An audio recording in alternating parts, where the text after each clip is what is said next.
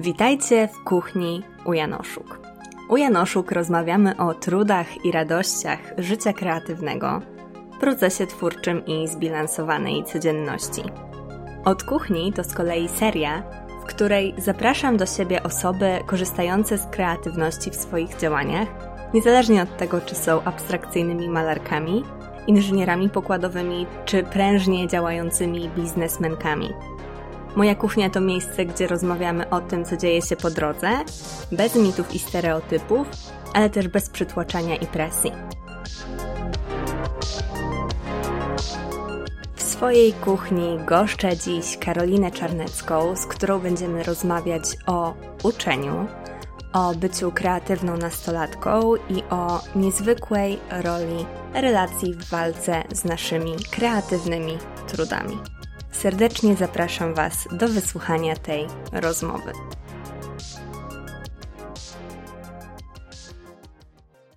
Witam Cię w mojej kuchni, chociaż takiej wirtualnej, więc y, trochę te okoliczności nas zmuszają do tego, żeby się kontaktować w taki sposób, którego nie zakładałam na początku, bo na początku ta kuchnia rzeczywiście miała być tą przestrzenią, w której będziemy się widzieć. Mm, ale na początku chciałabym Cię zapytać, zgodnie z tym też, y, co, co Ci zapowiadałam, że nie będę ja o Tobie wydawać jakichś sądów, że nie będę ja o tobie mówić, ale że to ty będziesz mówić o sobie.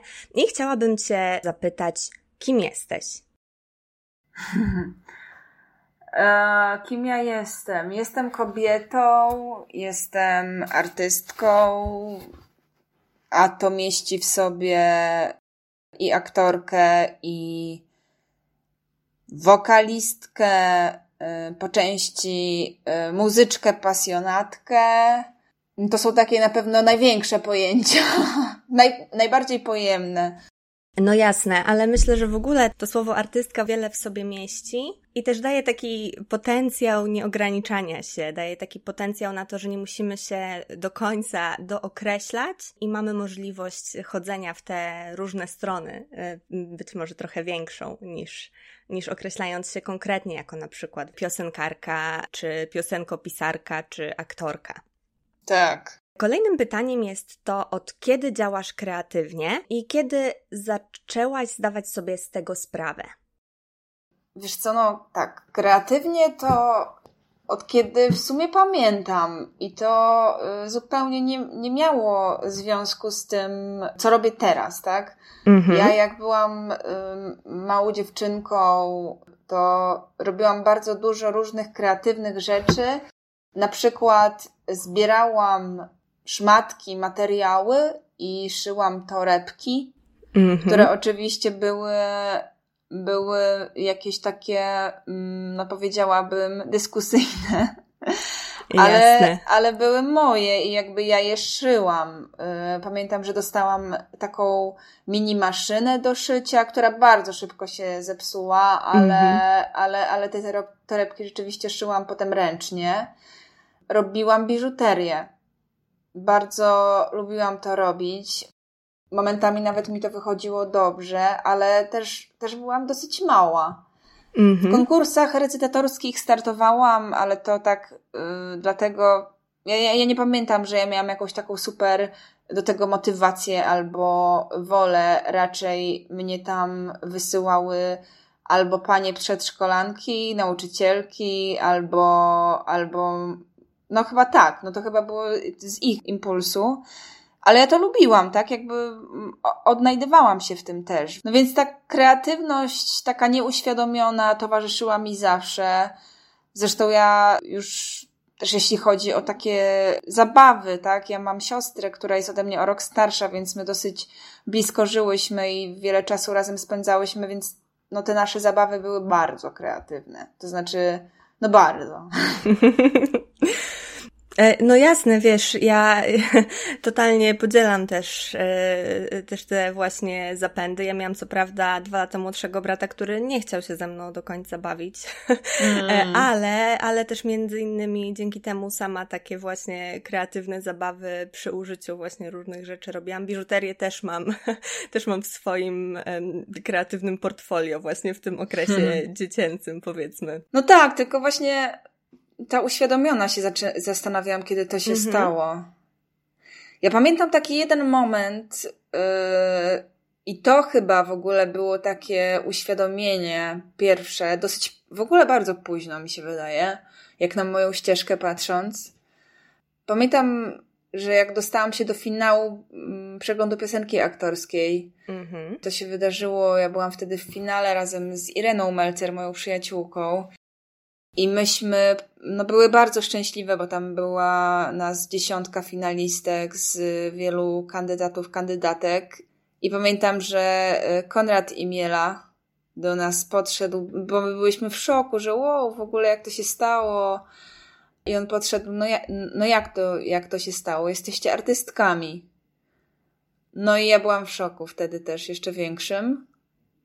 Ale to było miłe uczucie, to było miłe doświadczenie, tak na siebie spojrzeć, bo jednak w edukacji ogólnie, ale też w edukacji artystycznej myślę, że tego brakuje, tego pierwiastka takiego patrzenia na siebie jako na artystę. Jakby mam wrażenie, że często się to odbiera, bo właściwie nie wiem dlaczego. Myślę, że może to wynikać z tego, że mm, nie chcą profesorowie, żeby się studentom udzieliła jakaś pycha. Mhm ale ona tak czy siak może się wyzwolić u kogoś, kto jest na to podatny.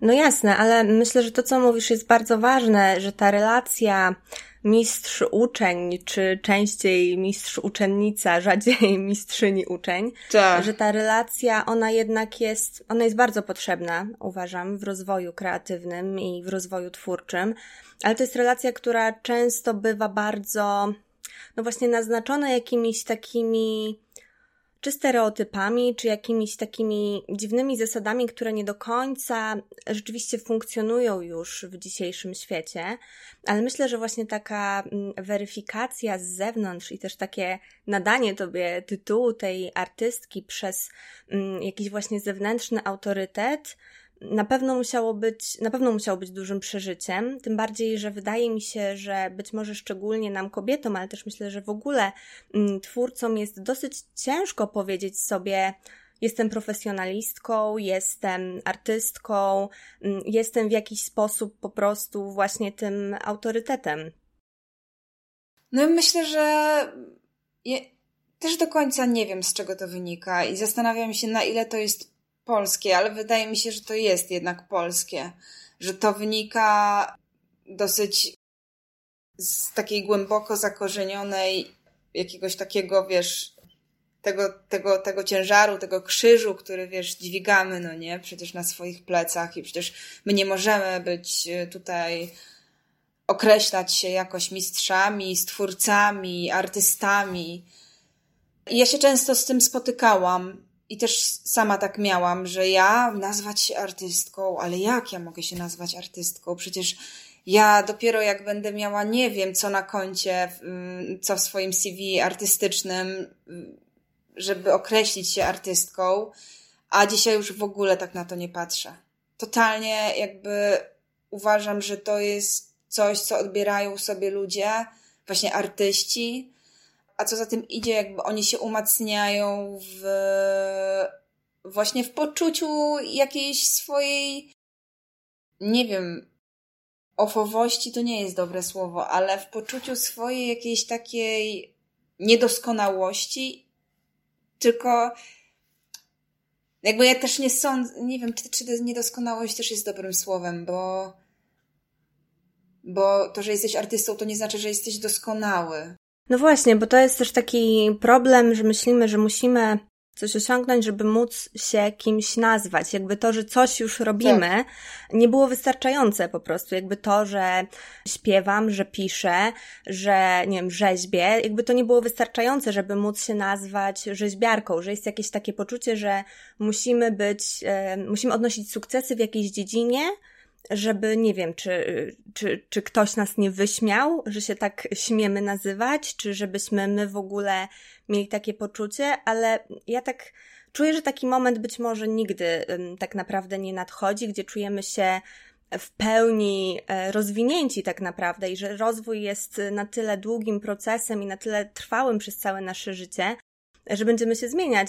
Więc też nie uważam, żeby to było słuszne, to oczekiwanie na jakiś taki moment oświecenia, kiedy okaże się, że nie wiem, czy na przykład zaczniemy zarabiać na swojej twórczości, czy nie wszyscy na przykład muszą chcieć to robić, nie? Nie wszyscy muszą chcieć zarabiać na swojej twórczości.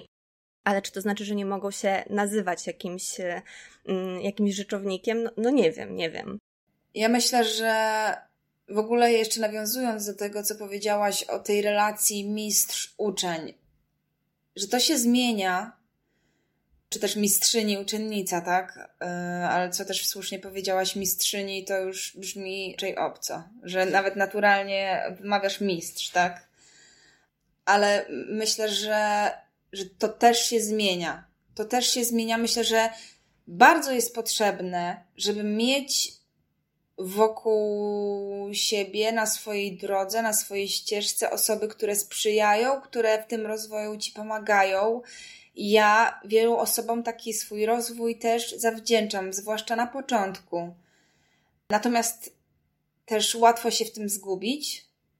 I myślę, że te osoby, które robią, mm, mają tę misję, tak, pomocy tym młodym, odkrywającym siebie, właśnie poszukującym swojej artystycznej drogi, odkrywających tę swoją duszę, tę, tę, stronę, tą kreatywność. To jest bardzo delikatna materia i myślę, że partnerstwo tutaj działa świetnie. Że ja nie jestem zwolenniczką tego, że ktoś mi będzie mówił, jak ja mam zrobić, co jest najlepsze, bo sama też doświadczam tego, a żyjemy w momencie totalnie mm, po prostu turbo zmian w każdej dziedzinie, we wszystkim, nawet teraz w sztuce szukanie nowych rozwiązań. To jest, no to jest nieprawdopodobne, jakie, jaki to ma, jaką to osiąga szybkość zmian. I w tym kontekście, w ogóle w kontekście jeszcze sieci dzisiaj, no to przecież każdy jest kreatorem. Tworząc swój profil, tworząc filmiki na YouTubie, jakby mamy takie narzędzia.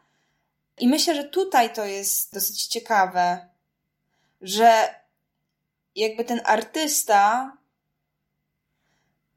mi się wydaje, że z definicji jest tym kreatorem czułym, tak? Co, co to Karczuk y, świetnie nazywa, że no ja bym to określiła, że tu chodzi po prostu o intencje i o, no, o intencje tworzenia.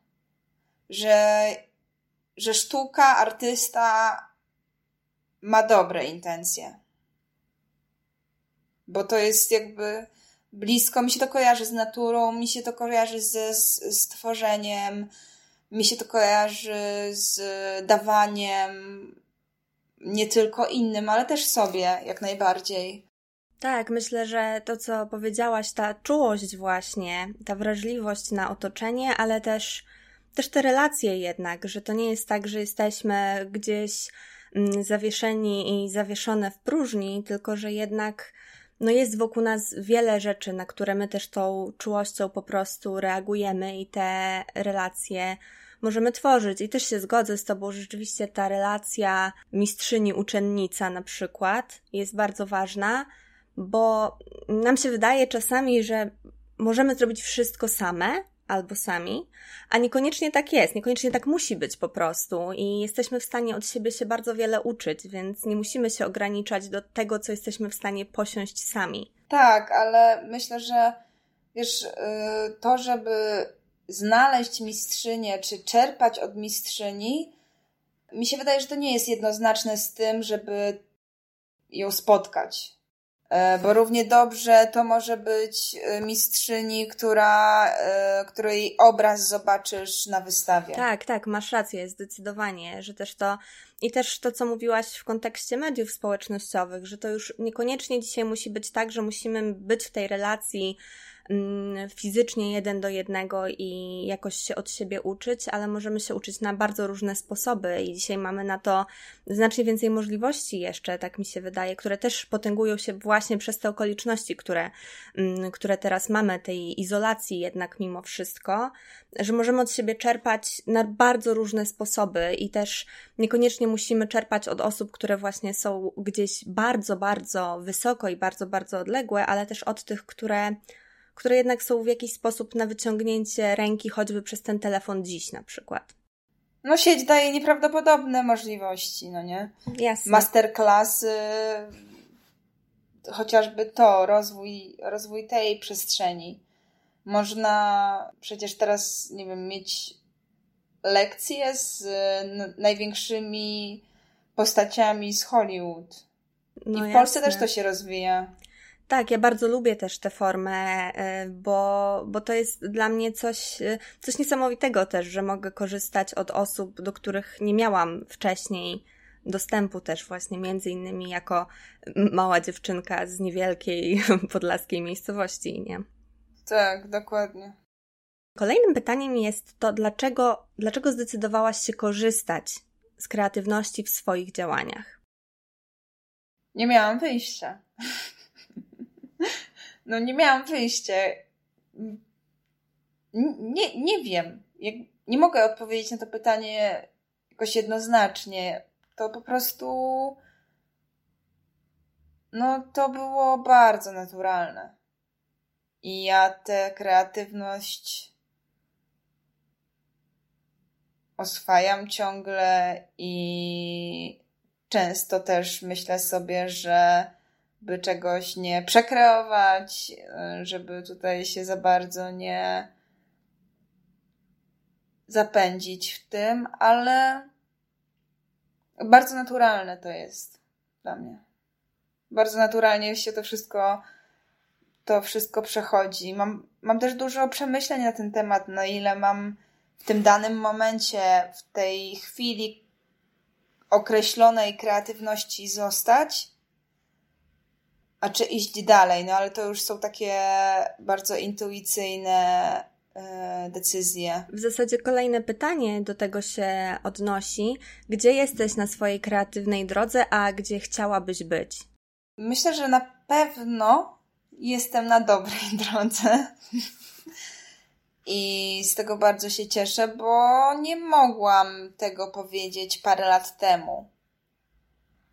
I myślę, że czuję to, że moja kreatywność wypływa, idzie z miejsca właśnie tego czułego, dobrego.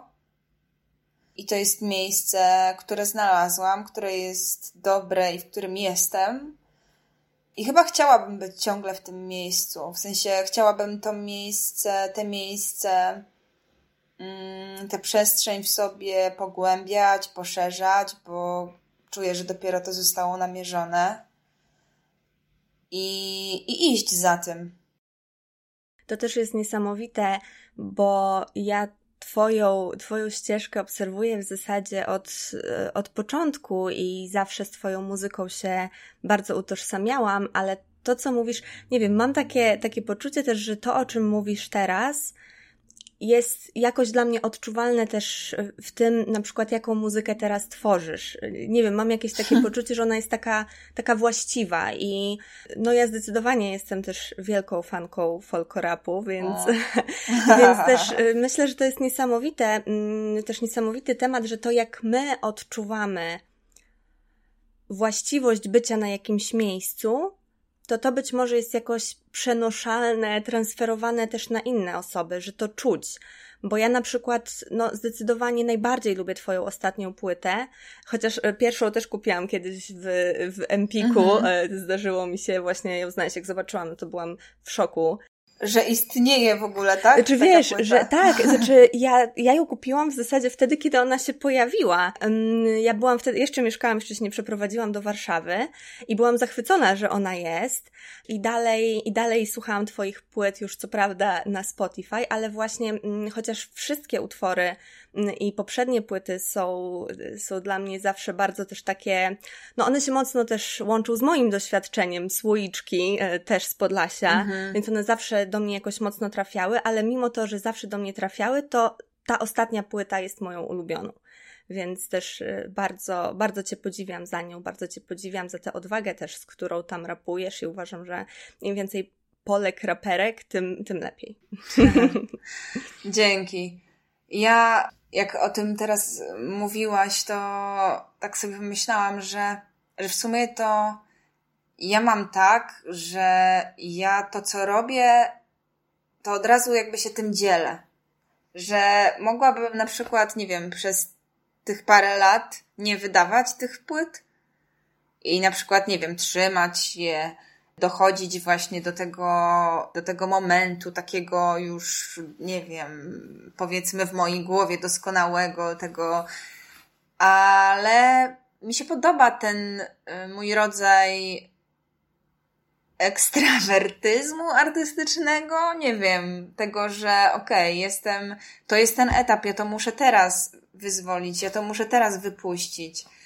No ale poza tym, że jestem starsza i jednak ta świadomość wzrasta, to, to myślę, że też ten kierunek właśnie, w który, do, do którego idę, to no to jest dobre, no tak jak powiedziałam wcześniej, nie, nie będę się powtarzać. Mhm, jasne.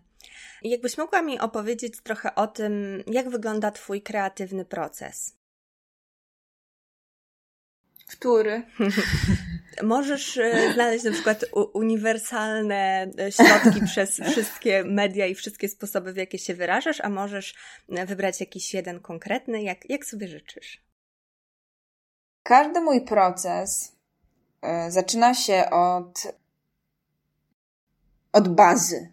Od bazy, bazy tematu, bazy i czy, czy jest to scenariusz filmowy, serialowy, czy jest to jakby mój temat, duży temat, bo ja zawsze sobie jakby chodzę z tematem płyty. Dopiero potem to nabiera kształtów. To jest tak jak właśnie ostatnio a propos masterclass, oglądałam masterclassę z, z Nosowską i ona też właśnie mówiła, że to jest takie to jest taka dłubanina, że, że siedzisz, że te piosenki poprawiasz, że, że, że, że rzeźbisz te słowa, to, no to zanim to wszystko się wydarzy, no to ja bardzo dobrze staram się przynajmniej yy, penetrować temat. I tak jak ostatnio, to jest chyba taki może zaskakujący na, w tej rozmowie temat, ale yy, przy okazji serialu. E, ja odgrywałam tam rolę e, windykatorki. I ja naprawdę niewiele wiedziałam na starcie o tym, jakby co robią windykatorzy, czym się zajmują, e, jak wygląda ich właśnie życie zawodowe. Potem do tego dochodziła rozkmina jakby rysu bohaterki mojej, czyli jej całej emocjonalnej, życiowej, społecznej yy, roli. I ja często no, korzystam z książek, wywiadów, muzyki, yy, obrazków. Więc generalnie yy, w skrócie każdy proces jest podobny. Najpierw jest bardzo samotny, a potem dołączają ludzie i przechodzi to na inny poziom, a ostatnim poziomem kreatywnego tworzenia jest konfrontacja z ludźmi. Mm -hmm. Innymi odbiorcami, odbiorczyniami.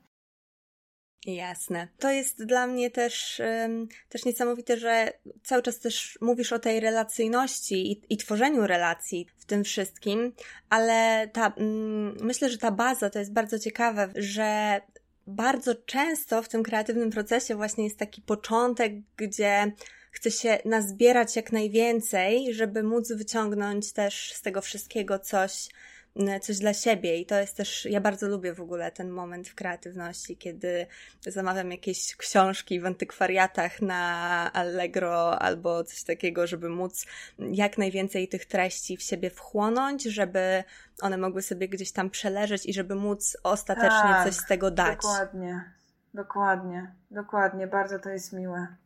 A jakie środki, idee, narzędzia pomagają Ci realizować Twoje kreatywne cele? Wspominałaś innymi właśnie o masterclassach, może jest coś jeszcze takiego, co Ci pomaga?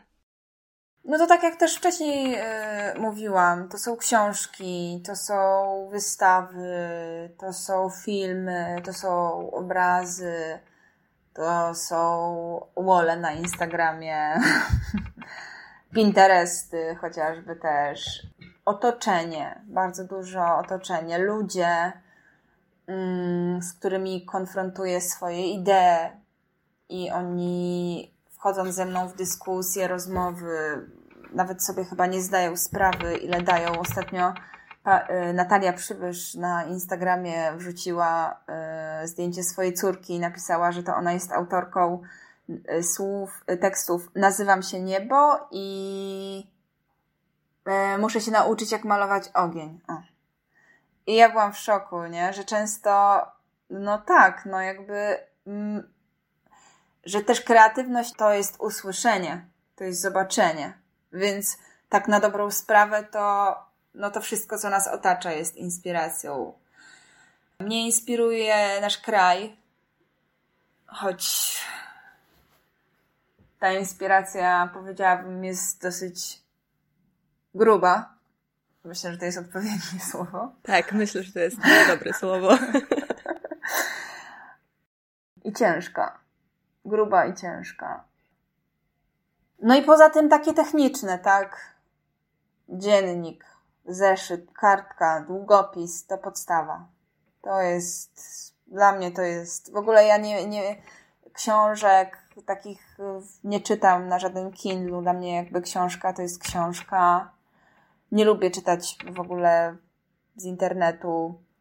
Przez internet wolę gazety papierowe, więc papier, papier mnie, mnie kręci.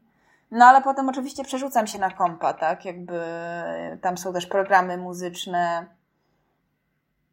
No i takie techniczne rzeczy, no jakby instrumenty, mm, mikrofon, to są te narzędzia. Mhm.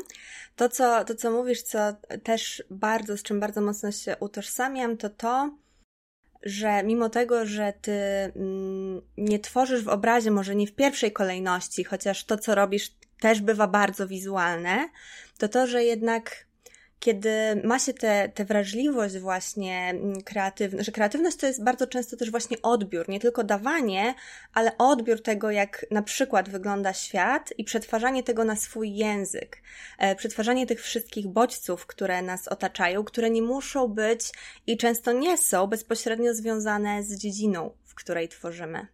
I to jest niesamowite dla mnie. To jest, ja, ja dlatego tak uwielbiam kreatywność, że to jest dla mnie tak niesamowity proces właśnie, że potrafimy tak bardzo przetwarzać przez siebie też to, co nas otacza.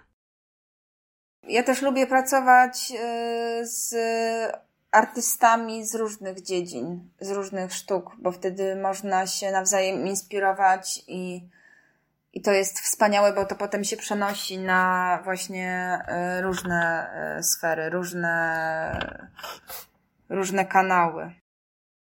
Tak jak na przykład y, ja uwielbiam teledysk do pielgrzymki właśnie i uważam, że to jest tak kompletne właśnie dzięki temu, że jest tam też ten obraz i że to jest po prostu tak w stosunku do siebie komplementarne i że mm, właśnie działając pomiędzy e, sferami artystycznego wyrazu, jesteśmy w stanie dać jeszcze więcej. Że jak na siebie, się na siebie złożą takie elementy, to potrafi to dać niesamowity, zaskakujący, piękny efekt.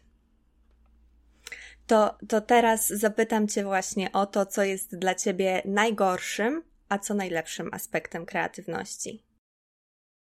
No bardzo lubię ten moment, w którym padam na pomysł to jest piękny moment. Ja to nazywam momentem błyszczącej głowy. E, o, zawsze, zawsze uwielbiam też właśnie ten moment, kiedy jakaś iskra taka się gdzieś tam tak. wtoczy do mojej głowy i coś inicjuje dalej.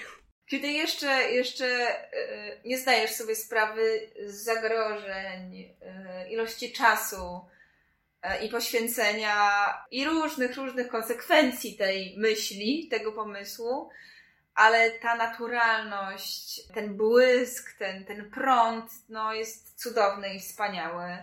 Drugim moim ulubionym momentem jest to, jak się złapie yy, tego byka i to płynie. Po prostu. Po prostu, jakby to są te momenty w różnych. Nie, nie mam nawet chęci w sumie teraz y, określać, co płynie i czym jest ten byk. Po prostu to tak jest. A najtrudniejszym momentem. Mm, najtrudniejszym momentem jest to, w, kiedy ma się, ma się blokadę, chociaż to jest jeszcze do przejścia, bo wiesz, że zaraz ta blokada minie.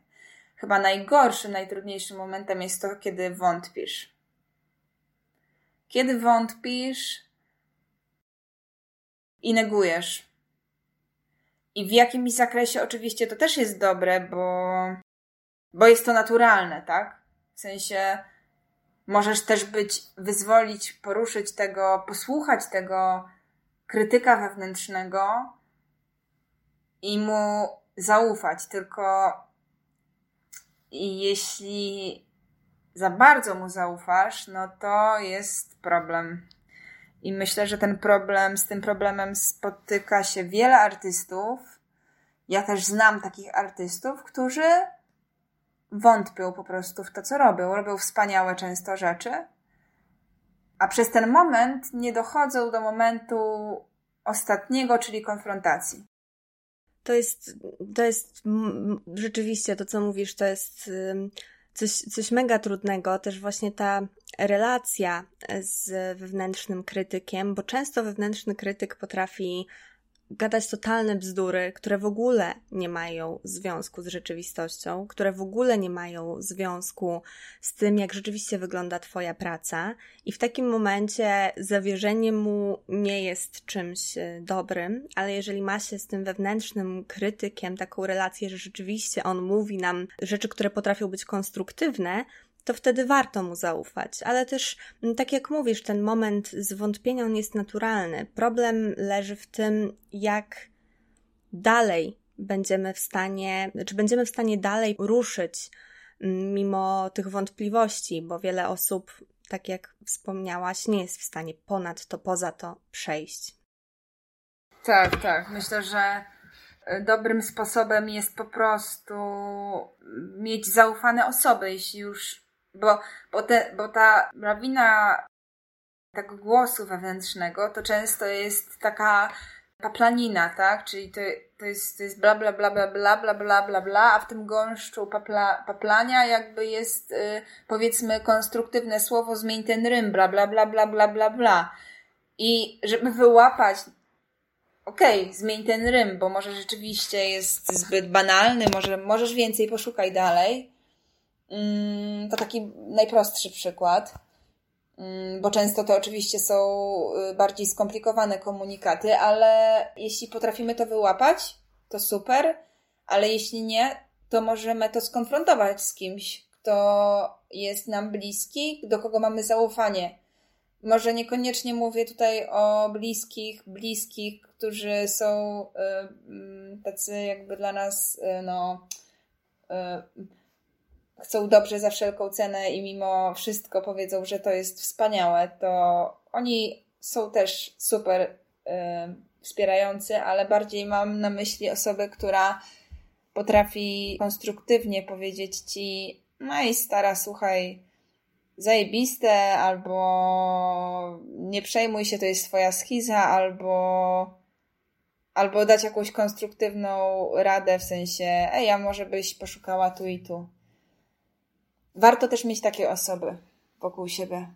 Zdecydowanie. Ja przez długi czas nie miałam takich osób wokół siebie i wiem, jak znacznie trudniej było mi cokolwiek robić, bo te momenty właśnie takiego, mm, tej paplaniny wewnętrznej, one się pojawiają i one będą się pojawiać, niezależnie od tego, myślę, na jakim etapie swojej kreatywnej drogi się jest. I jeżeli ma się tę sieć wsparcia osób, które powiedzą ci, to wcale nie jest tak, że to, co robisz, jest bez sensu. Po prostu teraz ci się tak wydaje, bo jesteś na takim etapie, jesteś zmęczona pracą, mm, masz taki i taki humor, jest, żyjesz w takich i takich okolicznościach, w takim i takim kraju, masz dużo na głowie, więc to, co ty teraz sobie myślisz, nie jest prawdziwe. Ja wiem, jaka ty jesteś i, i wiem, że mm, to, co robisz, ma sens. Tak właśnie powiedziała mi jedna z moich przyjaciółek, Kasia, że kiedy ja myślałam, że to, co robię, nie ma sensu, ona mhm. powiedziała mi, że dla niej ja jestem utkana z sensu i to były dla mnie słowa, które ja zapamiętam do końca mojego życia i tylko, że też to, żeby usłyszeć takie słowa, to też trzeba mieć w sobie tą odwagę, żeby komuś zaufać tak, i żeby tak, komuś tak, się z tych tak. problemów zwierzyć, a nie mieć takie poczucie, że nie, że ja muszę być sama i mm, nie będę o tym nikomu mówić, bo ktoś pomyśli, że jestem słaba, a ja myślę, że właśnie w tym jest największa odwaga, żeby móc z tymi swoimi problemami wyjść do kogoś i pozwolić sobie usłyszeć przeciwne rzeczy na przykład, albo właśnie te rady, których czasem też boimy się usłyszeć, bo to będzie oznaczało, że musimy na przykład coś zmienić. Tak, Więc... Y, Ale też konfrontowanie swoich pomysłów, nie tylko. Yy, ja uważam, że to im szybciej się Y, tego nauczymy, to myślę, że też to będzie wpłynie na to, że szybciej się tą sztuką będziemy dzielić z innymi. A to jest dla mnie jednak też składowa artysty, że artysta y, no, no nie chowa y, rzeczy do szuflady i, i, i myśli sobie, że po, po śmierci z, znajdą to kosmici i wydadzą na jakimś cyberkrążku. Dokładnie, zwłaszcza, że no, mamy może to zabrzmi e, banalnie, ale mamy to życie jednak w swoich rękach i mając takie możliwości, o których też dzisiaj dużo mówimy, mając chociażby media społecznościowe, chociażby sieć i różne e, narzędzia, które ona oferuje, możemy też sami i same próbować przynajmniej dzielić się tym swoim procesem, dzielić się swoimi pracami, mm, dzielić się swoimi pomysłami, bez tego strachu, że ktoś nam coś ukradnie, bo tak naprawdę to to, co my robimy, jest na tyle indywidualne i na tyle wynika z nas samych, że jeżeli ktoś nawet jakimś rdzeniem naszego projektu się, powiedzmy, zainspiruje, to to i tak nie będzie to samo, a też dzieląc się takim swoim procesem, tą swoją drogą, jesteśmy w stanie rozwinąć się znacznie bardziej i uzyskać znacznie więcej niż to, co nam właśnie ten wewnętrzny krytyk podpowiada, że a po co ty będziesz e, tutaj teraz coś pokazywała, przecież to jest nieskończone, przecież to jest chujowe, nie? Na przykład. Mhm. I ostatnie pytanie z tej naszej tutaj sfery kwestionariuszowej to jest w zasadzie zdanie do uzupełnienia. Od kuchni jestem bardzo trzykropek i tutaj przymiotnik. Jaka jesteś od kuchni? W swojej kreatywności oczywiście. Jaka jestem? Jestem dziecinna. Super. Ja też mam ostatnio taki czas zachwytu dziecięcością. Zdałam sobie sprawę też, jak bardzo w tej dziecięcości mm, sama też siedzę w dalszym ciągu, w sensie, że mam takie bardzo serce dziecka i że ta kreatywność właśnie w moim przypadku też jest taka bardzo dziecięca i bardzo taka radosna, więc bardzo się też utożsamiam z tym, co powiedziałaś. Super. Czy chciałabyś opowiedzieć coś więcej o temacie, który dzisiaj zaproponowałaś, czyli o kreatywności w kontekście mm, bycia nastolatką, w kontekście właśnie tej nastoletniości? Mm, może słowem wstępu mogę powiedzieć, że jest to dosyć nowe u mnie i, i też totalnie mnie to jakoś kręci. A wszystko zaczęło się od momentu, w którym na moje koncerty, jeszcze jak żyliśmy w czasach, w których y, koncerty odbywały się y, na żywo, na moje koncerty przychodziły dziewczynki. I często to były nastolatki, a często to były dziewczynki, które miały, nie wiem, 10 lat. I mega mnie to wzruszało, mega mnie to szokowało, na naprawdę to się, to, to, to był standard. Na każdym koncercie po prostu widziałam yy, na przodzie no, dziewczyny, dziewczynki, dziewuchy. I jedną piosenkę napisałam specjalnie, tak to dosyć jest rzadkie, że ja mam, mm, piszę to, ale pamiętam to bardzo dokładnie, że akurat piosenka Cury powstała właśnie dla tej dziewczyny. Dokładnie widziałam tą dziewczynkę. Ja miałam też jakąś taką odpowiedzialność w sobie, że, że przez to, że one do mnie przychodzą, to ja też muszę im coś dać że nie chcę ich też zalewać takim, taką jakąś swoją y, opowieścią, często też mrocznymi kawałkami. No i napisałam córy i myślę, że otworzyło to przede mną jakąś totalnie fascynującą przestrzeń. Poszło za tym y, zaproszenie przez y, kuratorki na festiwalu Malta, żebym poprowadziła warsztaty z nastolatkami. Wymyśliłyśmy tytuł Peace and Song, nie, nie mylić z pisem. E, I to, były, to był tydzień w ogóle jakiejś przygody odlotowej, w której razem z dziewczynami stworzyłyśmy sześć piosenek, potem je wykonałyśmy na koncercie i zobaczyłam, jakie one są genialne.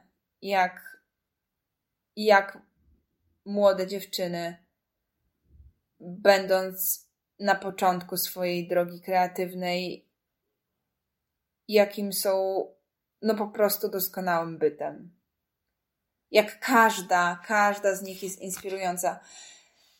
No i zaczęło się. Przyszła pandemia i zaczęłam kminić nad tym, co ja mogę tutaj dać, no bo też to jest dla mnie dosyć przełomowy moment, myślę, że dla wszystkich. I, i, i tak jakoś ten mój feminizm w ogóle, z tego krzyczącego feminizmu, stał się jakimś innym feminizmem, ale nie wiem jeszcze jakim.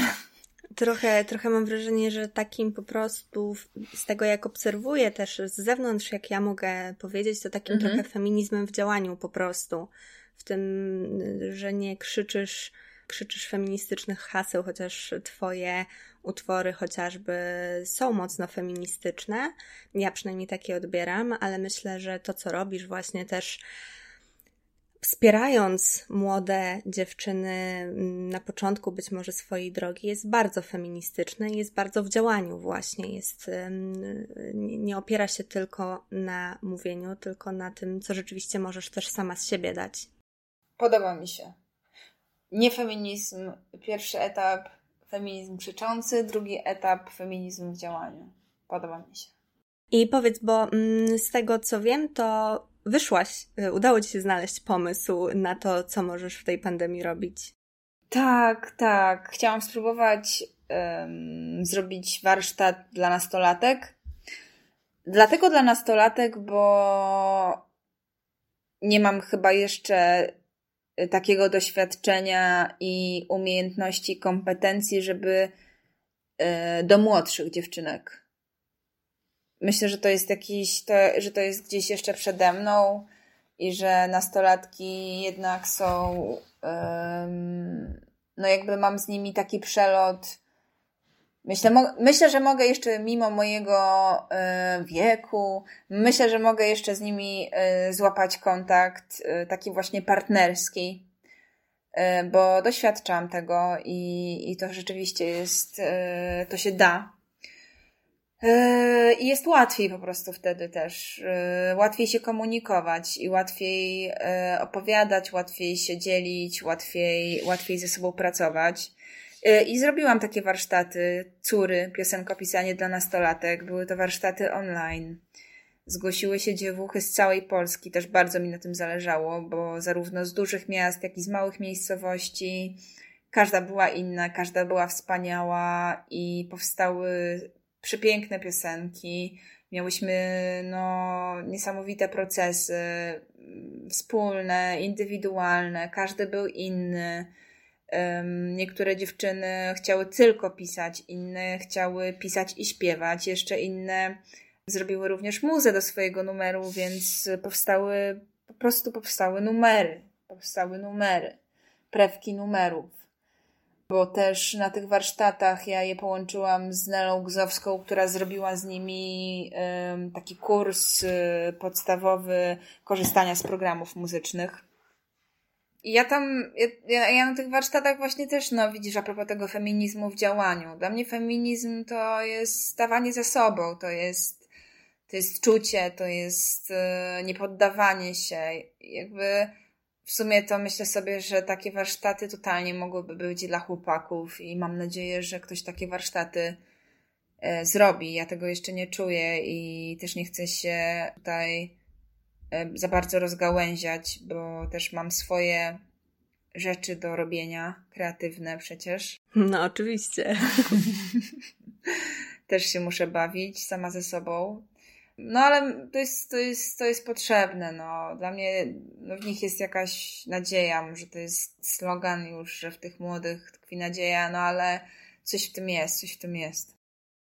Ja też całkowicie rozumiem to, że ty mm, jednak wybierasz y, dziewczyny jako swoje uczennice, bo mm, ja też mam w sobie coś takiego, że z, z czasem coraz bardziej widzę, jak ta kobieca strona we mnie działa po prostu i jak ta, i też widzę, jak bardzo właśnie działanie w jej obszarze z innymi kobietami, z innymi dziewczynami jak bardzo to jest ważne i jak wiele to daje i jak bardzo tego nadal brakuje. To jest dla mnie szokujące, że ja sobie z każdym dniem zdaję coraz większą sprawę, mam coraz większą świadomość tego, jak w wielu obszarach takim nam, dziewczynom i też często właśnie nam, nastolatkom w tym wcześniejszym etapie, jak jest znacznie, znacznie trudniej. I ja nie widzę w tym absolutnie nic złego też, że te warsztaty, które ty oferujesz, są konkretnie mm, dla dziewczynek, wydaje mi się, dla dziewczyn. Mm, w jakim wieku w ogóle były uczestniczki Twoich warsztatów? 14, 17, e, takie było założenie, mhm. takie były e, widełki, ale e, intuicja mi podpowiedziała, żeby jeszcze wziąć 21-latkę. Mhm. I pewnie nie, to była nie, dobra intuicja. Tak, tak. Nie, nie, absolutnie nie poznajomości, bo nie znałam jej wcześniej. Mhm. Ale, a, ale według zgłoszenia i jej motywacji pomyślałam sobie, że, że jakby wrażliwością i swoją obecnością no nie zakłóci tego. Zwłaszcza, że dużo rzeczywiście pracowałyśmy indywidualnie. Mhm. Z każdą z nich po prostu miałam inny proces, co było dla mnie też mega wyzwaniem. Ale też pewnie myślę, że sporo ci też y, dało właśnie takiego materiału, to co mówisz, właśnie wynikającego też z tworzenia się takich mm, relacji, które, o które w sumie nie jest też tak łatwo mimo wszystko. Ale mówisz o relacji. Mam tutaj na myśli, wiesz, to, mm, to że takie, takie tworzenie relacji z każdą z tych dziewczyn mm, na pewno było też czymś takim, co mocno wpłynęło na Twoją wrażliwość i mocno tak, wpłynęło na to, tak. jak, jak Ty zaczęłaś pewne też kwestie odbierać i być może dało Ci dalszy, jakiś taki, dalszą bazę do myślenia nad pewnymi sprawami. Oj, to na pewno. Na pewno y, utwierdziłam się w tym, że chcę to robić dalej. To była pierwsza edycja, ale y, już przygotowuję się do następnych. Duża nauka, duża uczy bardzo wrażliwości i otwartości i jeszcze jakiejś takiej czułości trochę innego rodzaju, nie tej czułości na swoje emocje, tylko na, na, na właśnie tej drugiej osoby. I robię naprawdę wszystko, żeby nie być tą taką mistrzynią, żeby się nie stawiać tam. Bo, bo to, co myślę, jest właśnie dzisiaj, że, że często nauczyciele czy nauczycielki, nie chcę generalizować, myślę, że są też wspaniali nauczyciele i nauczycielki, natomiast. Yy, jest taka, ten styl, który panuje w naszym, w naszej, w naszym społeczeństwie dzisiaj polskim. To jest taki właśnie, to jest ta hierarchia, to jest, to jest ta, ta tutaj też szufladkowanie i układanie na półkach. to myślę, że nastolatki tego nie potrzebują, nie kupują. Mm, to jest bardzo oldschoolowe dla mnie i cofające tak naprawdę, a nie rozwijające. To jest y, wbijanie, to jest podporządkowywanie no bardzo tego nie lubię, łagodnie mówiąc. To jest takie tworzenie dystansu na siłę trochę, zamiast, tak, tak. Zamiast właśnie wejść w taką relację i w taką interakcję. Nie stawianie siebie, że ja tu jestem mistrzynią, która ma wiedzę objawioną, ja ci powiem jak żyć, tylko że my w tej interakcji możemy się nawzajem obie od siebie czegoś nauczyć i że to jest wspaniałe i Mm, jeżeli ty jako ta przewodniczka, może to będzie trochę właściwsze słowo, ty jako ta przewodniczka postawisz te relacje, ten proces uczenia się w ten sposób, że ty też jesteś chętna, by się uczyć, to myślę, że to wiele zmienia i że to jest, że to jest, wiesz, dla obu stron bardzo, e, bardzo budujące po prostu. Tak, myślę, że to też jest, tak, tak jak mówisz, dokładnie, bo, bo dla nich to jest niektóre w ogóle tak mi dziękowały i mówiły, że się nie spodziewały, że taka osoba, która gdzieś jest, istnieje w tej publicznej e, świadomości, sferze, chce zajmować się warsztatami. A ja w ogóle o tym w ten sposób nie myślałam, szczerze powiedziawszy. Właśnie nie, nie czuję się tutaj, że zeszłam gdzieś z jakiejś, nie wiem, z jakiegoś podestu i, i nagle mówię do tych normalnych ludzi, jestem tu dla was w ogóle czegoś takiego nie mam. Mam, mam, mam, mam za to taką też pokorę, no bo ja nigdy też im mów, mów, mówiłam im to na warsztatach, że ja nigdy w żadnej szkole pisania nie byłam. Ja wszystkiego, czego, co mogę im dać, co mogę im przekazać, to wynika z po prostu z mojego doświadczenia, a co się okazało na jakby po, w ogóle po tych warsztatach to jest moje odkrycie takie największe, znaczy największe, no jedno z większych, że one po prostu miały ode mnie ogromną wdzięczność do tych warsztatów, że one miały przestrzeń na to. Że często naprawdę my nie musimy robić czegoś wielkiego. Danie przestrzeni jest już bardzo motywujące, wspierające, ale też y, dla mnie osobiście, co z tego wynika i jaką mam z tego naukę, no to to, że ja że ja sama też o sobie się dowiaduję dużo różnych rzeczy i, i też absolutnie nie mam ochoty i nie chcę iść w to, żeby sobie umniejszać, tak? Że jakby to, że ja się, ja nie skończyłam żadnej szkoły yy, pisania, że nie wiem, że, że yy, nie wiem, no nie jestem mistrzynią, yy, że nie mam doktoratu i tak dalej, i tak dalej. Mówię tak hasłowo bardzo. To wcale nie znaczy, że ja ich nie mogę czegoś nauczyć. Mogę. No jasne. Mnie też bardzo porusza to, co ty mówisz o tym dawaniu przestrzeni. Bo jak sobie pomyślę o tym, w jakim ja miejscu byłam właśnie między 14 a 17 rokiem życia, z jak wieloma obawami też związanymi ze swoją kreatywnością ja byłam, jak wiele, jak wiele trudności jak wiele trudności miałam i jak z wieloma wewnętrznymi demonami musiałam się mierzyć. To był też taki czas, kiedy ja bardzo mocno szukałam swojej drogi, bo ja o mały włos nie poszłam na medycynę po rodzicach. Wow. I to był też taki czas. A jestem teraz na doktoracie w Szkole Doktorskiej Nauk Humanistycznych, więc rozbieżność Aha. jest dosyć duża. Także to był taki czas, kiedy, znaczy ja po prostu żyłam w takim nie do końca to było tak, że rodzice mi kazali iść na medycynę. To raczej wyglądało tak, że ja nie znałam innego życia, że ja nie znałam innych możliwości. E, też żyjąc w małej miejscowości, bo ja się wychowałam w Czarnej Białostockiej, czyli nieopodal też miejsca, w którym ty się wychowywałaś. Do szkoły, co prawda, jeździłam do Białego Stoku od gimnazjum, ale to był też ja też po prostu nie znałam innego życia. Nie znałam życia wielkich myślicielek, nie znałam e, życia osób, które żyją z, z bycia humanistą, humanistką w różnym tego słowa rozumieniu, i ja byłam wtedy bardzo pogubiona. I myślę, że brakowało mi też tej przestrzeni do tego, żeby po prostu znaleźć czas na to, żeby siebie poszukać. I brakowało mi tej przestrzeni na to, żeby, nie wiem, właśnie popisać sobie piosenki, pomalować sobie, bez tych wszystkich takich zewnętrznych presji, które mówią, że od razu muszę być w tym najlepsza, że nie mogę sobie po prostu posiedzieć, popisać, pograć, pomalować cokolwiek bez tej presji, że ja muszę z tego robić zaraz wielką karierę i że muszę być w tym najlepsza. I ja w zasadzie to wszystko, te wszystkie rzeczy, do których ja ostatecznie w tej swojej drodze doszłam, ja musiałam się mm, uczyć po drodze gdzieś tej przestrzeni, szukając, wiesz, w takich, tak po prostu wpychając ją wręcz w to, co jakoś tam tym typowym grafiku życia człowiek musi mieć.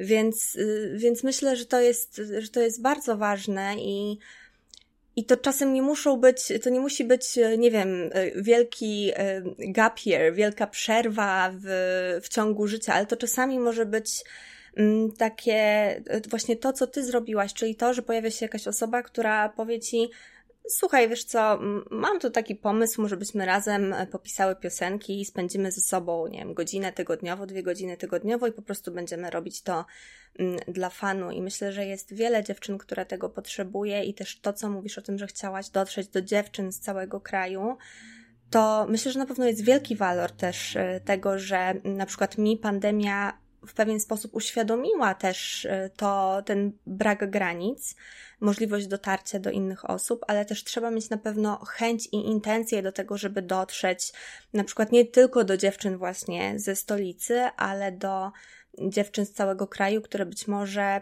często potrzebują tego nawet jeszcze bardziej, bo mają znacznie bardziej ograniczony dostęp do tego typu inicjatyw. Tak, i myślę, że jak najbardziej nie ma co się obrażać na ten świat wirtualny, tylko trzeba mm, no, trzeba znaleźć sobie tam miejsce, mm, oczywiście nie, nie, nie poddać się temu, nie zwariować, ale też yy, wykorzystać. Yy, I to jest absolutnie, no, no to jest, to jest, to jest, to jest przykład tego, że, że to się sprawdza.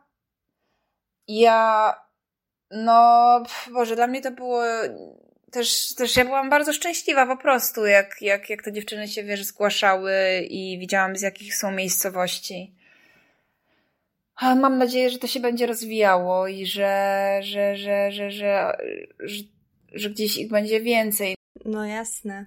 Takiego właśnie spotykania się ze sobą i mówienia, że to, co robisz, może nie jest idealne, ale jeżeli to ci daje radość, jeżeli to ci sprawia przyjemność, jeżeli to sprawia, że ty na przykład po takim warsztacie będziesz y, chodziła uchachana przez tydzień i będziesz myślała sobie o tym, co tu mogłabyś jeszcze zarymować, co tu mogłabyś jeszcze stworzyć, to to jest już moim zdaniem wystarczająca wartość bez tych potencjalnych sukcesów, które, które mogą być, których się od nas teoretycznie wymaga, że albo będziemy zajebisty, albo mamy przestać coś robić, tak. bo to tak. tak nie wygląda. Absolutnie nie. No to, no to myślę, że już e, chyba możemy, możemy kończyć. Bardzo Ci dziękuję za tę rozmowę. Myślę, że wiele mi dała, mam też wiele rzeczy do, do przemyśleń i mam nadzieję, że Twoje projekty, że Twoje córy będą bardzo ładnie dorastać i że będą się dobrze chować i że będzie Wam, mm, będziesz miała dużo uczestniczek, które będą chciały wchodzić z Tobą w takie twórcze, niekoniecznie mistrzowskie relacje. Dzięki. Ja też, mi się też bardzo miło rozmawiało.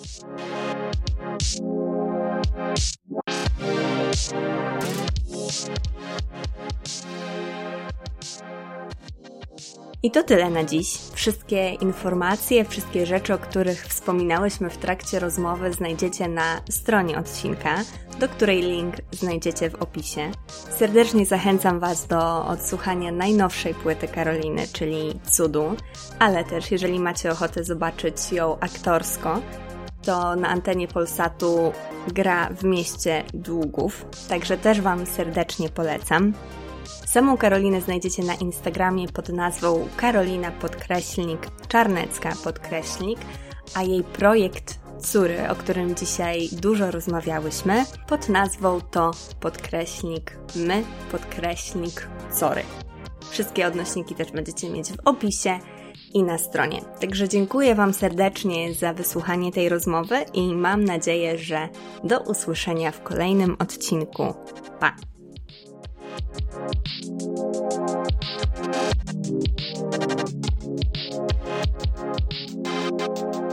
back.